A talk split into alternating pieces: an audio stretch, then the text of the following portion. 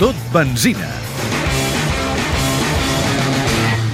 Ricky Cardús és el millor amic del campió del món de MotoGP Jorge Lorenzo. Es coneixen des de fa molts anys i ara comparteixen sostre. A casa som dos amics que ens enfadem per lo, lo que es poden enfadar dos amics i ens cridem i, i en caps de setmana que me'n vaig a casa meva. I és que allà, saps? Com, com dos amics normals. Després que a la pista no és el mateix tindrà un consell de d'un mecànic que porta molts anys aquí o d'algú que tindrà un consell d'un campió del món. El mallorquí el va ajudar econòmicament l'any passat per poder disputar el Campionat d'Espanya de Moto2.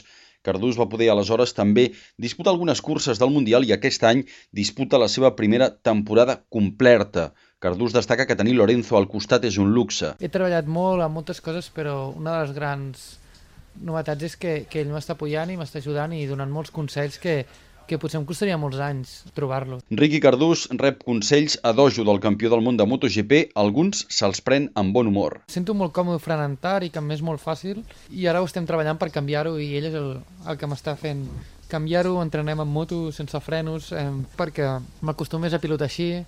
També l'altre, ell no suporta que, que esperi rodes i, i s'enfada i, i després està un dia sense parlar-me i moltes vegades quan, quan em passa un i m'enganxo, dic, buah, la, la bronca que em caurà avui. Però que en aquell moment vols fer una volta ràpida i, i no hi penses en... Però bueno, vull ser un pilot per quedar-me aquí molt de temps. Cardús i Jorge Lorenzo viuen junts prop de Barcelona, però no durant les curses. Això sí, el d'Alella aprofita el motorhome del mallorquí als temps morts. Què millor que tenir un motorhome gros i, i un, un motorhome de MotoGP i a més sense fer-te càrrec de res, no?